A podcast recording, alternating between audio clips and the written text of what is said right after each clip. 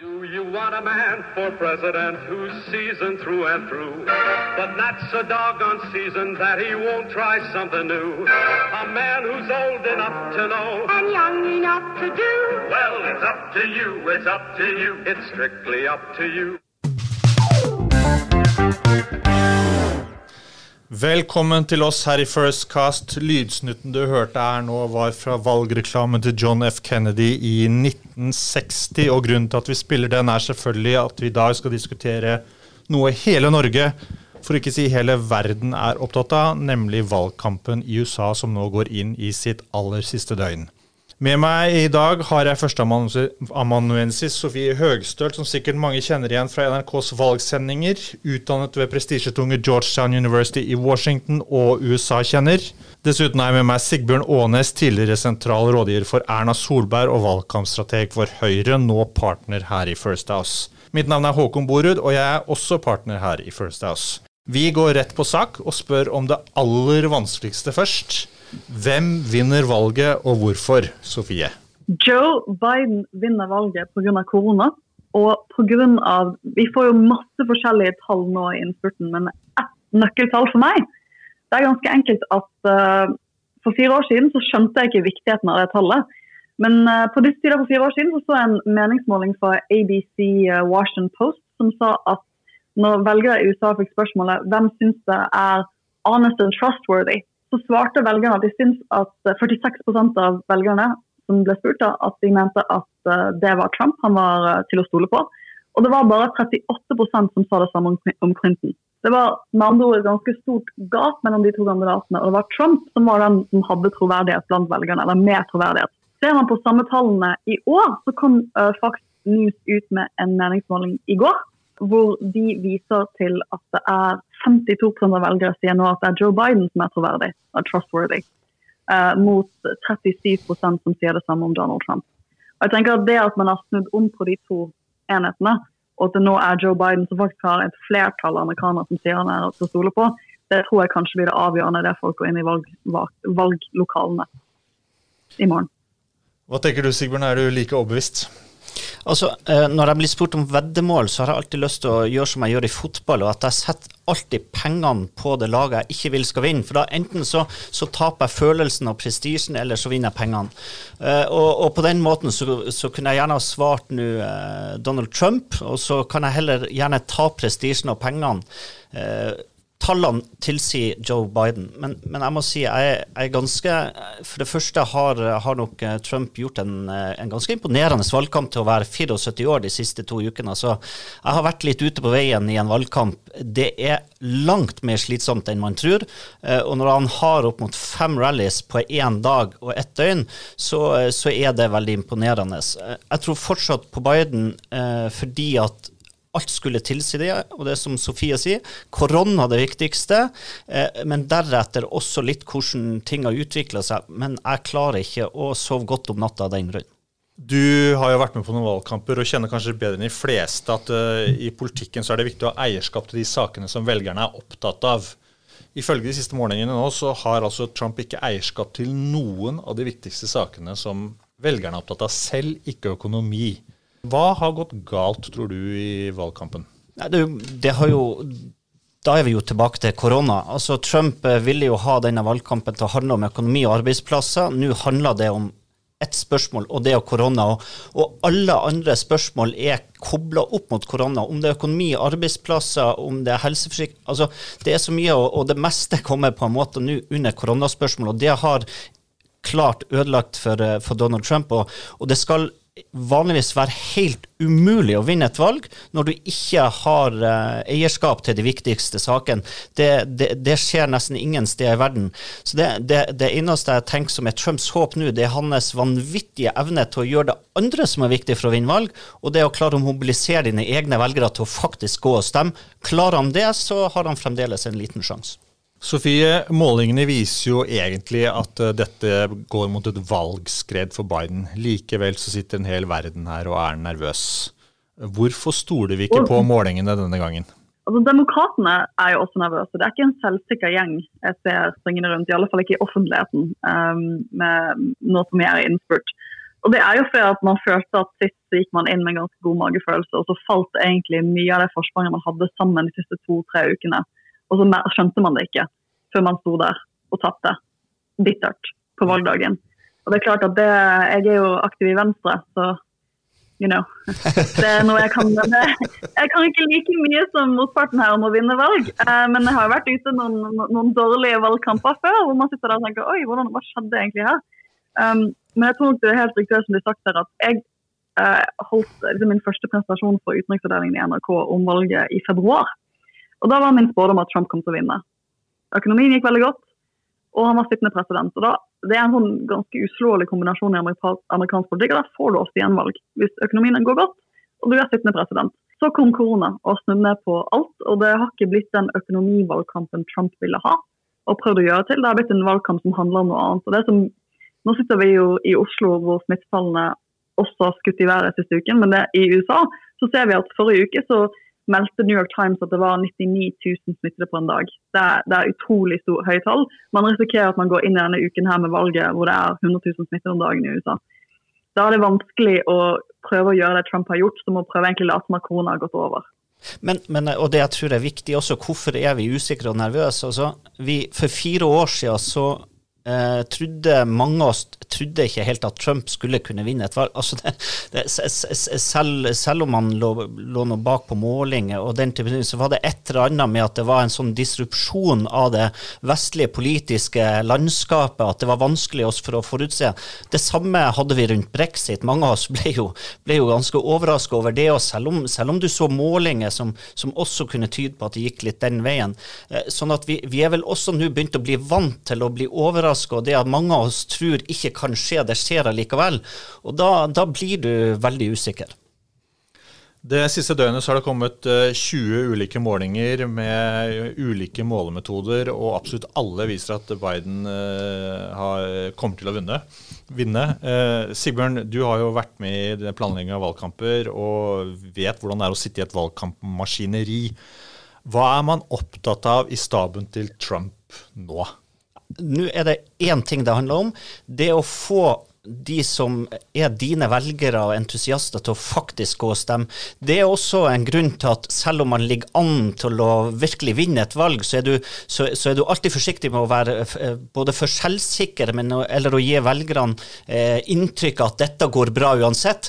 For da vet du at da, da kanskje de regner det eller blir det litt kø og sånn, så gidder de ikke å stemme. Så du må, du må alltid ha en følelse av spenning og jevnhet, selv om du ligger veldig godt an. og det er for at det viktigste du gjør, er å få folk til å gå og stemme. Det er hovedutfordringa, for målinger hjelper ikke. Du må faktisk legge den stemmeseddelen i boksen også, og det er det absolutt viktigste nå. Og, og Trump reiser ikke rundt og, og trekker 70 000 mennesker på rallies, fem rallies om dag, fordi at han kommer til å overbevise mange nye om det.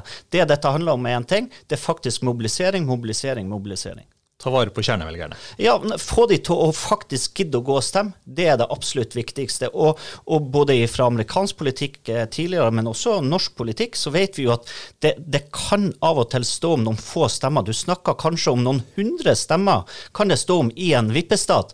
Eh, og det er jo helt utrolig når det er så mange som faktisk eh, avgir sin stemme.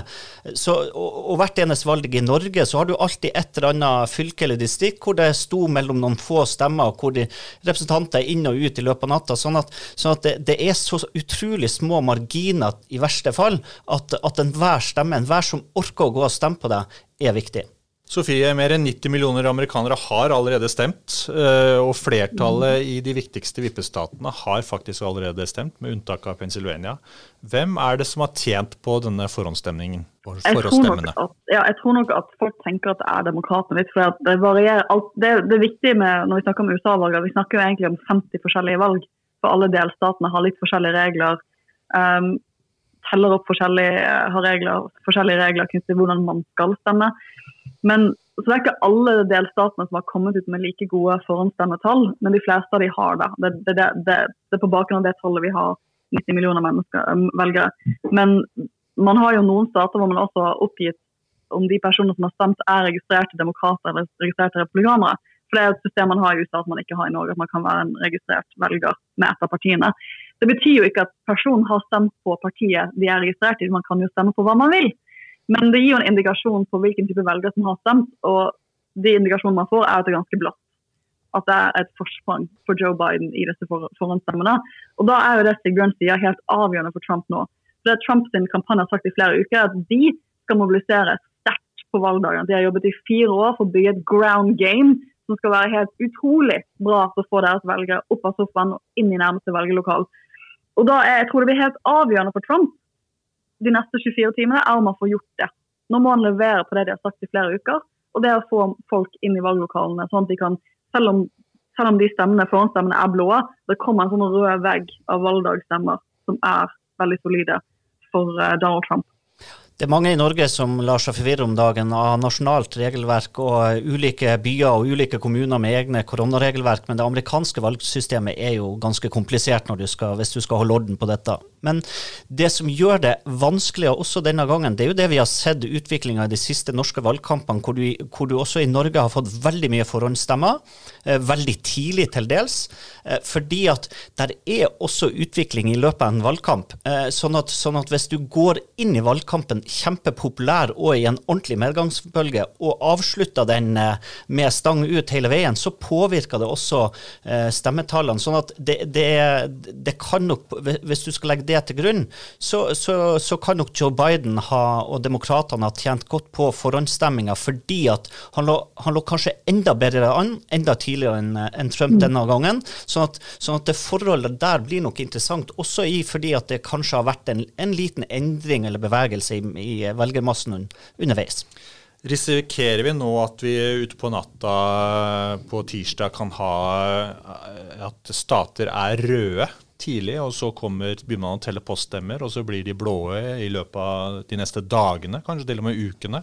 Det er jo det alle snakker om, og igjen, det vil variere litt fra stat til stat. For det som har skjedd, er jo at noen av statene har jo endret regelverket sitt som jeg tenker var det jeg ville gjort eller anbefalt. Hvor de har sagt at Arizona for har sagt at ok, hvis vi skal ha så mange forhåndsstemmer, så endrer vi regelverket og sier at man kan begynne å telle opp forhåndsstemmene to uker tidlig.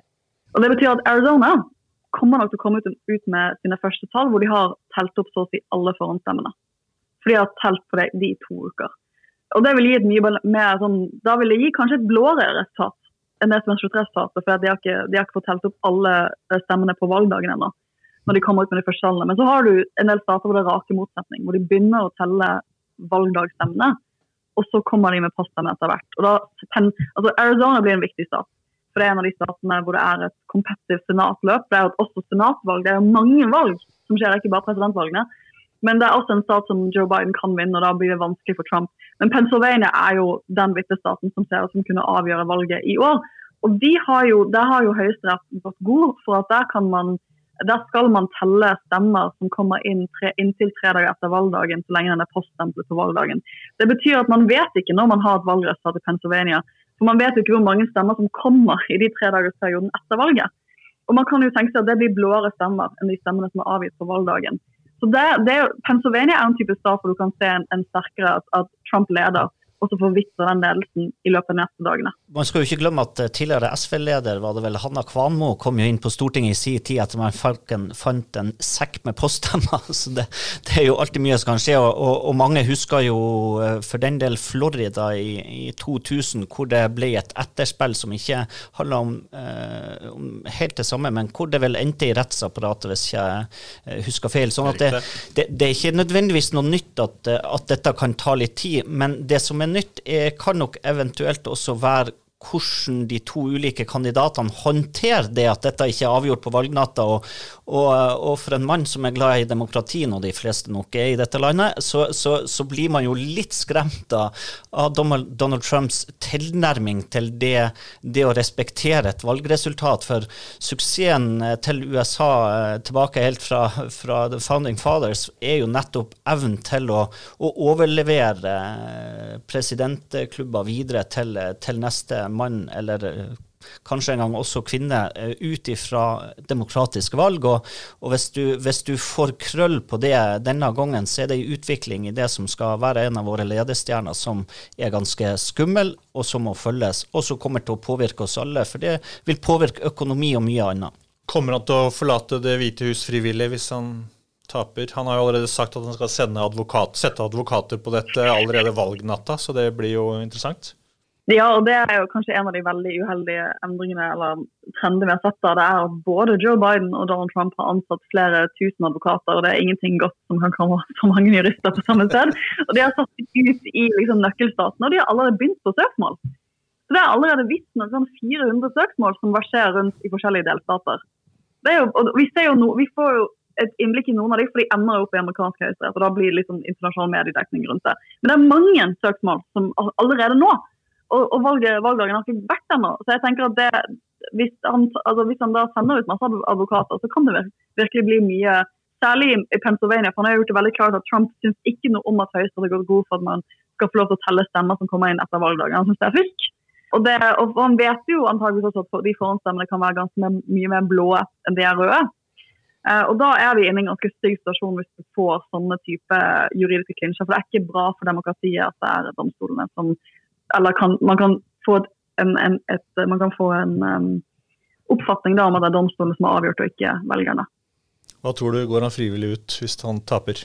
Eh, jeg tror det som kan være fordelen, er det vi jo har venta på i fire og et halvt år, nemlig at uh, deler av resten av det republikanske partiet kanskje skal vise litt mer anstendighet. Så, så det som er, er, mitt store håp dersom du, Donald Trump tar på valget, er faktisk at, uh, at uh, at republikanere, andre republikanere nå setter ned foten og sier at nok er nok. Eh, og det tror jeg kanskje vi får se i større grad enn vi har sett de siste, siste fire årene.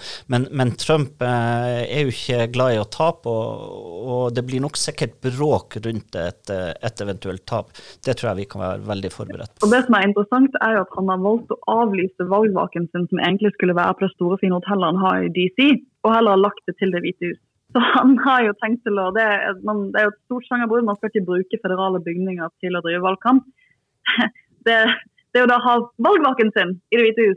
Mm. Det, det, er å bruke det i, i, valgsetting. Men det, er jo, det gir jo et sånn inntrykk av at han skal sitte der i Det hvite hus hele kvelden og kanskje komme ut og holde tale fra Det hvite hus.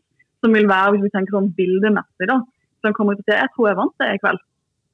Vil jo, han vil jo bruke hele den presidentsymbolikken inn i bildet. og Da er jeg veldig spent på hva Mitch McConnell gjør. Det er kanskje han som jeg knytter størst forventning til. Han er leder for uh, republikanere i senatet, og jeg tror han, han, er en god, gammeldags republikaner. Han nok, var nok aldri så glad i Trump. Nok, er nok fortsatt litt forfjamset over at denne fyren har kuppet partiet på så kort tid som det han har gjort, på fire år. Uh, og han tror jeg nok kommer til å tenke på, på partiet sitt beste i et 50-årsperspektiv. Og det er nok ikke best for det republikanske partiet i et langsiktig perspektiv nødvendigvis at de får en presidentkandidat som ikke vil gå av hvis han taper. Så jeg er mest spent på å se hva For Mitch McConnell har jo tvitret at han de, selvfølgelig kommer vi til å respektere valgresultatet. Det blir jo da egentlig han som er den kanskje nærmest må ha en sjef i partiet som kan gå ut og, og ha denne rollen på valgkvelden, hvis, det, hvis Trump går mot tap. Vi skulle ha snakka litt om Pennsylvania, men vi begynner å gå tom for tid der. Så det alt folk får følge med på Pennsylvania eh, utover valgnatten. Det blir en viktig stat. Men helt til slutt, vi glemmer det ofte. Dette er også et senatsvalg. Mm. Sofie, hvorfor er dette viktig? Hvorfor er senatsvalget også viktig? Det er viktig for begge kandidater. Altså Hvis Trump vinner igjen valg, men taper senatet, så får han ikke gjort så mye de neste to årene. Da sliter han. Da blir det ikke noen nye høyesterettsdommere, det blir ikke noen nye dommerutnevnelser, punktum antageligvis. Han får ikke vedtatt budsjett. Han er like lame duck som det han likte å si at Barack Obama var eh, i, eh, i 2016. Um, på den andre siden, hvis demokratene vinner Det hvite hus, men ikke vinner tilbake senatet, så er de også ganske låst. De, de, får ikke gjøre så mye av den agendaen de har lyst til å gjøre, og de valgløftene de har kommet med de neste to årene. Så jeg tenker at er, Senatet er et viktig uh, brikke for det avgjør om partiene har, hvor mye makt de har, hvor mye de kan da manøvrere etter valget. Og hvordan ligger vi an? Nei, eh, det, det ligger vel an der ikke så langt unna det vi ser på, på, på de andre målingene. Men jeg, jeg, har jo også en sånn iboende frykt, jeg er redd for mye, altså. Men, men, for Donald Trump, når han uh, blir sittende som president, men også uh, tape senatsvalget. For det, for det, er et eller annet med evnen han har vist til respekten for, for si, demokratiske prosesser, som gjør at, at jeg tror ikke jeg klarer å, å fantasere akkurat nå på hvordan han vil håndtere en, en periode hvor han egentlig ikke får gjort noe som han vil, hvilken metodikk og metoder han da tar i bruk. Og eh, jeg tror vi ender opp også da med et uh, USA som blir enda mer splitta. Så uansett hvordan vi snur på dette, så, så håper jeg virkelig at, uh, at, vi får en blå valgseier i, i USA, og at, at, Biden tar dette. Det tror jeg er, vil være det beste, ikke bare for USA, men for oss også her hjemme i, i Norge. Da sier jeg takk til dere. Nok en gang ble vi sittende og diskutere Trump, og det er vel ganske symptomatisk. Så får vi heller diskutere Biden dersom han vinner etter valgnatten. Takk for at dere kom, og takk til alle som lyttet.